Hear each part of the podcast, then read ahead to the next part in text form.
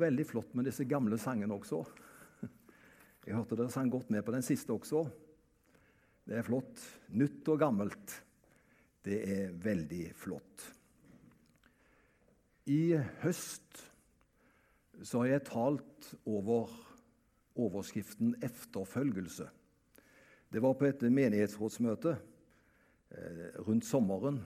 Så snakket vi om hva er viktig å vektlegge i menigheten i den nære framtid. Og Da kom det ordet 'efterfølgelse' veldig tydelig opp. Og Da sier jeg til de i menighetsrådet da skal jeg tale over det temaet denne høsten. Og ulike sider ved det. Og nå er vi kommet til eh, en overskrift som heter 'Kampen for et godt liv'. For det å være en efterfølger av Jesus det er liksom ikke noe som eh, går bare av seg sjøl. For skal du følge etter noen, da må du jo gå der hvor den som er foran, går. Å være en efterfølger kan ikke være en passiv situasjon, hvor du bare sitter der, og så får det skje det som skjer, og så håper jeg at noen kan dytte i meg etter en stund. Nei, du følger aktiv den du er efterfølger av. Og det er spennende. Men eh, det er ikke noe automatikk i det, for det er egentlig et, eh, et alvorlig vers og side vi skal ta opp i dag. Men siden kona mi er bedre pedagog enn det jeg er, så sa hun at du må ikke starte med det verset. sa hun. Ta det litt uti. Så det kommer litt eh, lenger uti. Men det å være en Jesu efterfølger det er egentlig en veldig utfordrende og en alvorlig sak. Men vi skal komme til det skriftstedet som er særlig utfordrende ikke enda, men om en stund. Men hvem ønsker seg ikke et godt liv? Heldigvis har de fleste av oss mye å glede seg over i livet, særlig vi som bor i Norge. Samtidig så må vi innrømme at vi til tider kan gjøre mindre gode valg. Eller det er bare jeg som har gjort det. Det har vel vært noen litt dårlige valg som vi har gjort innimellom alle de gode valg som vi gjør. Og noen ganger så har vi gjort disse dårlige valgene mot bedre vitende. Og Da er det litt mer ikke sant, krevende når vi til og med visste vi skulle ikke gjort det. Så gjør vi det allikevel. Vi vet hva som er rett, men så kan vi allikevel velge noe annet. Temaet som vi jobber med denne høsten, med å være en Jesu efterfølger. Og som Jesu efterfølger så har vi heldigvis fått et verktøy som kan hjelpe oss til et rikere og bedre liv. Og Da jeg talte over dette første gangen, så sa jeg at uh, en disippel for du er en disippel som følger efter, ikke sant? blir styrket av å lese i Guds ord.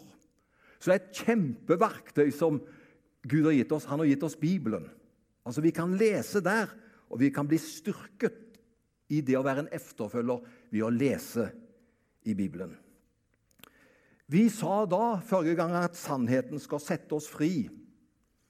Og nå skal jeg si Vet du hva sannheten er, og hvor vi finner sannheten?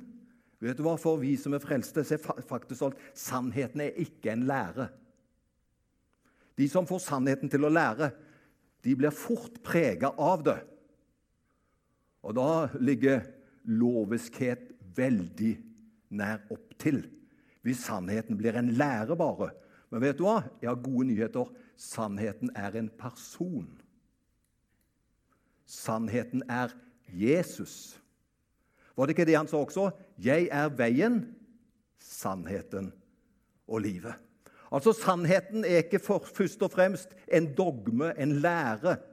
Det er ikke først og fremst teori, men sannheten er en person, nemlig Jesus Kristus. Og når han blir sannheten for oss, da ser vi hvordan levde han Hva var han opptatt av? Hva var viktig for han? Da blir det viktig for oss, for sannheten er en person. Så det kan du huske efter talen i formiddag. Sannheten er først og fremst en person. Sannheten er Jesus. Men i oss pågår det en kamp.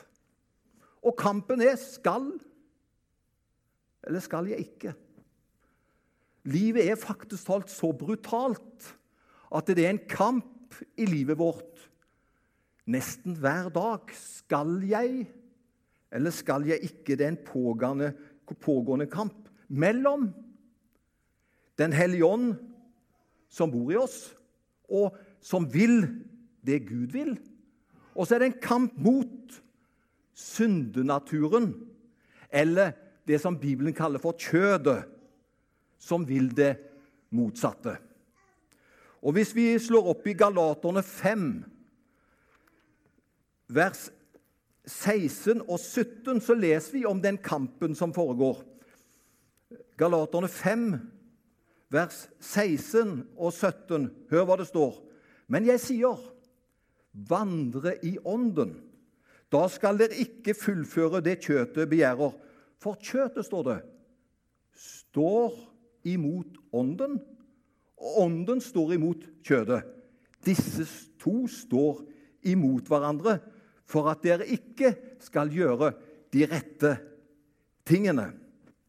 Så her ser vi at det i oss skal, eller skal jeg ikke Det er altså en kamp i livet vårt hver eneste dag. Det er en som har sagt det slik at vi er en vandrende borgerkrig. Og det er godt sagt. Det er en kamp inni oss. Og Derfor skal du ikke bli overrasket, for vi er egentlig en vandrende borgerkrig.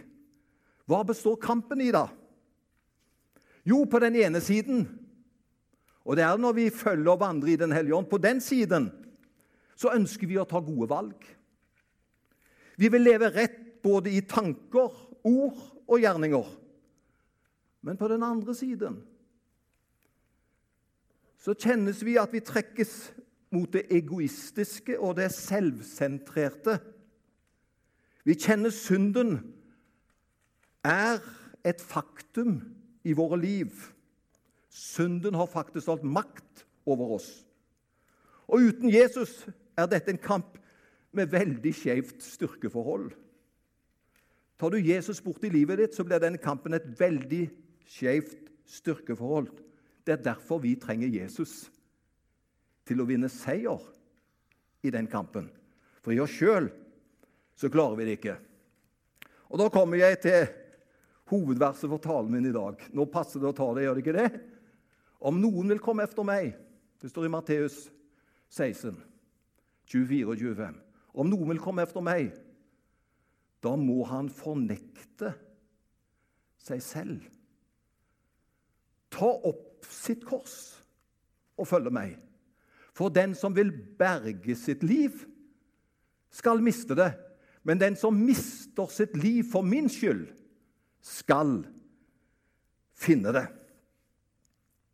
Hva betyr dette avsnittet oversatt til vårt liv? For det er jo slik vi ønsker å lese Bibelen, at Bibelen blir relevant i vår hverdag, i vårt liv. Hva betyr det skriftstedet om å følge Jesus i vårt liv, i vår hverdag? For det første å fornekte seg selv. Det betyr slett ikke å forakte seg selv. Det må du bare legge merke til, for det er en stor forskjell på å fornekte seg selv og forakte seg selv. Og for at ikke vi skal gå rundt og forakte seg selv, for jeg har møtt en del kristne jeg tror ikke de er nødvendigvis her i dag, men jeg har møtt noen kristne som hele tiden plager. De driver med sånn selvplaging. De er ikke gode nok kristne. De ber ikke nok, de leser ikke nok i Bibelen, de er ikke nok frimodige. De fungerer ikke som de ønsker på arbeidsplassen osv. Og, så og, og så begynner de å forakte seg sjøl. Det er veldig lett å hoppe på den melodien der. Men det er bare destruktivt. Det er mye bedre å se på han som gjør at vi kan vinne i denne borgerkrigen. ikke sant? At vi ser på hva, hvilke muligheter vi har i Jesus. Og Da blir det fantastisk. Og da skal vi slett ikke forakte oss selv. Og Nå må jeg lese to skriftsteder som gjør at vi har ingen grunn til å forakte oss sjøl. Skal vi se på hva Bibelen sier om oss? Det er fantastisk. Så ikke forakt deg sjøl. Er du her som kanskje har plaga deg med at du ber ikke nok, du er ikke god nok kristen? Jeg vil bare si slutt med det. For det er bare så negativt. Nå skal du se på hva Bibelen sier om oss. Og Da står det så fint i Romerne kapittel 8 og vers 29.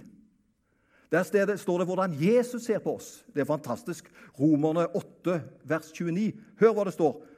For dem som han kjente på forhånd. Altså Herren har kjent oss på forhånd. han, vet du. Eh, så Derfor blir han ikke overraska, for han har kjent oss på forhånd. For dem som han kjente på forhånd, har han også forutbestemt til å bli likedannet med sin sønns bilde. Så når han kjente oss på forhånd, så har han oss. Han vil at vi skal bli slik som sønnen er. Den førstefødte Altså, Jesus er den førstefødte. Han er for å bruke bildet, han er storebror. Vi hadde jo en veldig flott familie her oppe. To gutter og så den lille. Storebroren i vår store familie, den førstefødte, er Jesus. Og så står det han skal være den førstefødte blant mange søsken. Og Jeg er glad for at det blir mange søsken som kommer til å følge efter Jesus. Og han er den førstefødte blant mange søsken. Hva er din og min status da? Er det å forakte oss sjøl? Nei, vet du hva? Vi skal gå rundt og se på oss sjøl som Jesus' søsken. Og han skammer seg ikke over å kalle oss sine søsken. Da skjønner vi vi har en frimodighet. Jeg må ta det som også står i Hebreerbrevet 2,11.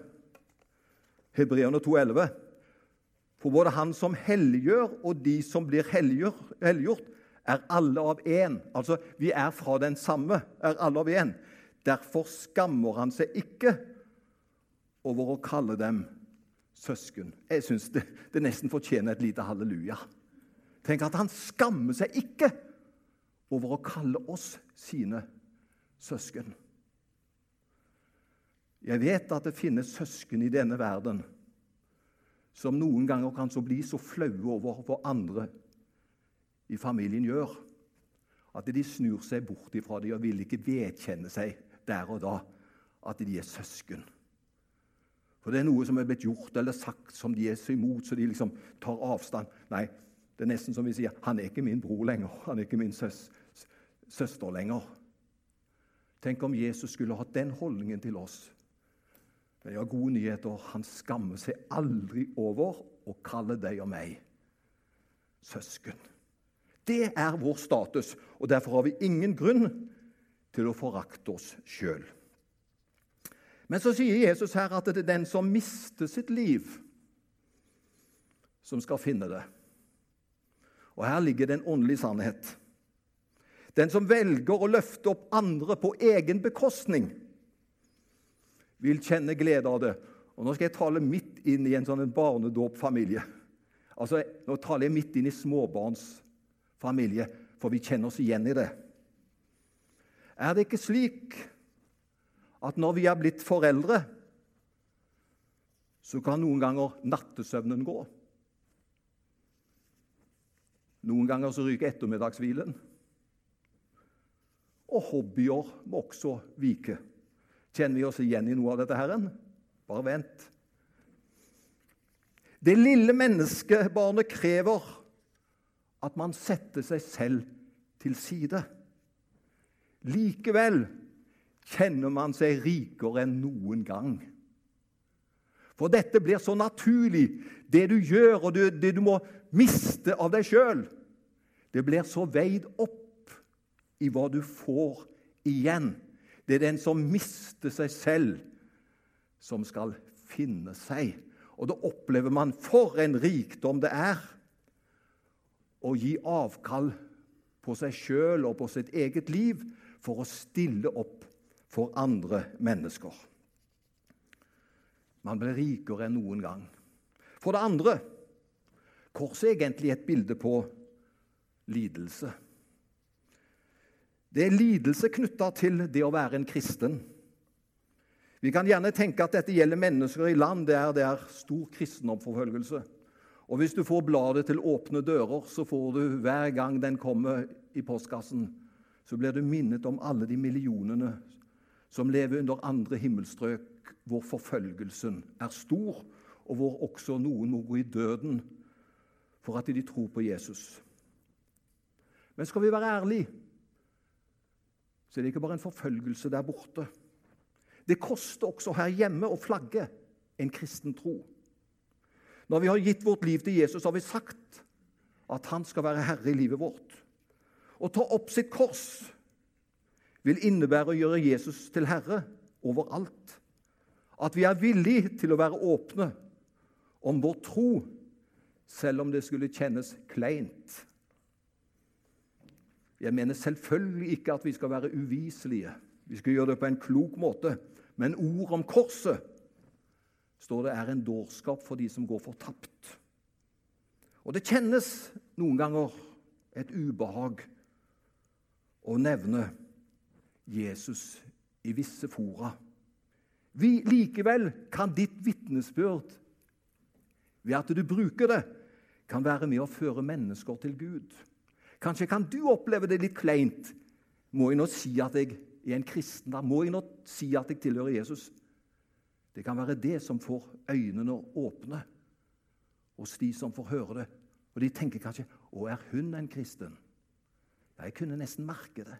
Tror han på Jesus? Det kan virke kleint for oss, men det kan være det som åpner dører i andres liv, og det har vi mange eksempler på. Det kan føre mennesker til Gud. Gud er visdommen, og han har sagt at han villig vil lede oss. Men vær forberedt. Det kan koste noe ubehag. Og for det tredje det følger velsignelser med å følge Jesus. Den ikke-kristne har korset utenfor livet sitt. Og det er mange som ser på korset som et flott smykke. Det kan være, og det vet de, det, korset jo, det må være et kristent symbol.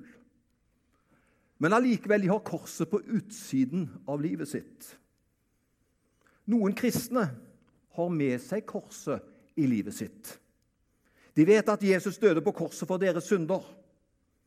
Men Jesus har enda ikke en avgjørende betydning for deres valg i livet.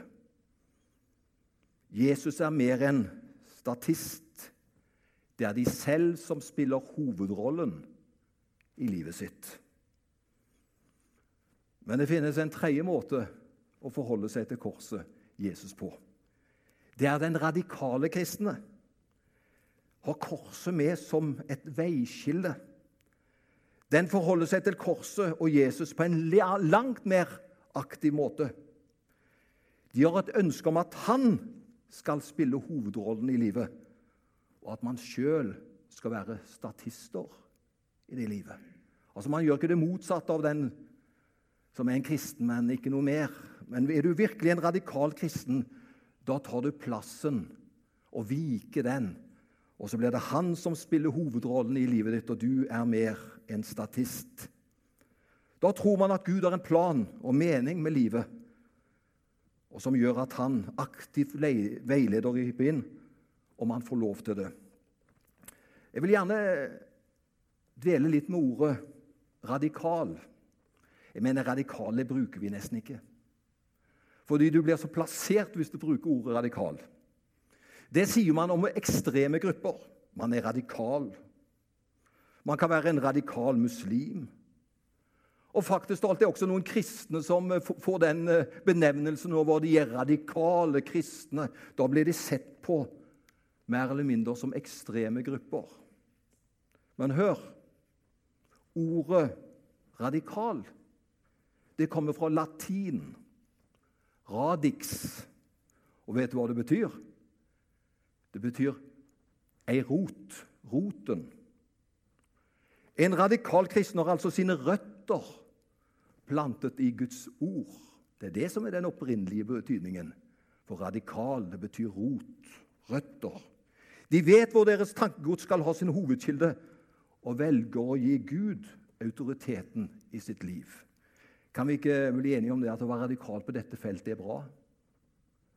Da er man radikal på den måten at det, det er røttene i livet. Jeg vet hvem jeg tror på. Det er den opprinnelige betydningen av å være radikal.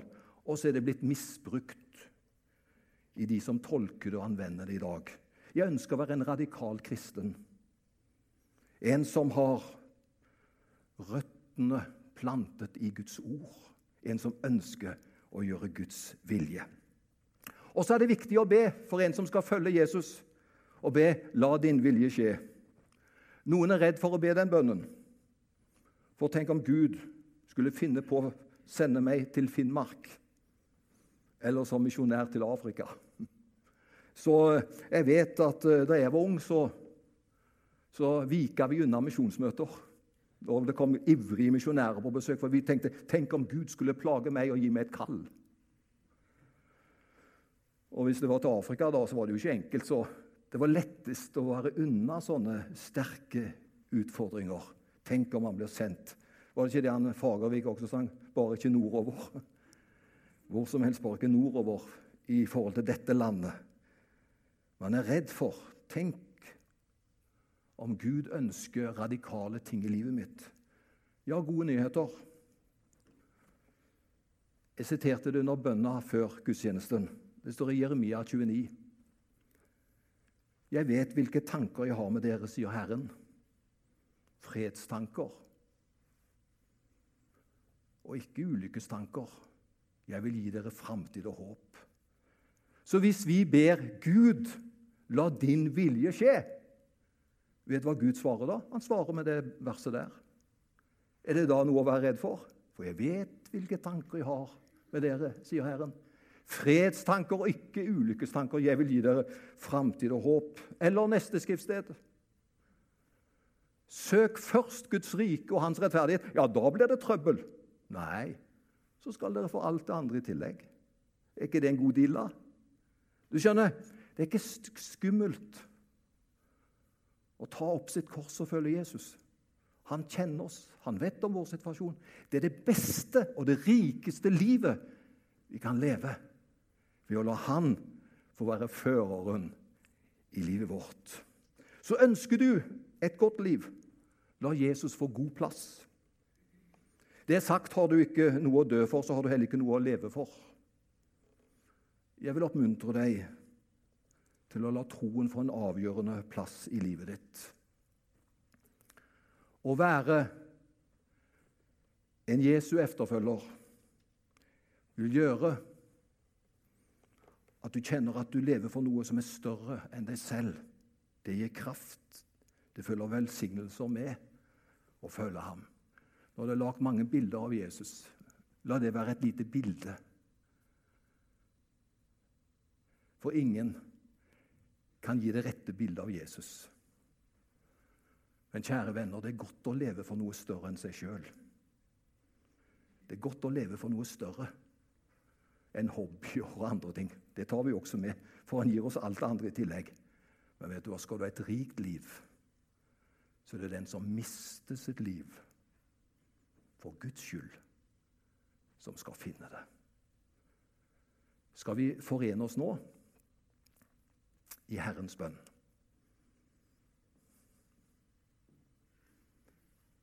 Vår Far i himmelen, la navnet ditt helliges. La riket ditt komme. La viljen din skje på jorden slik som i himmelen.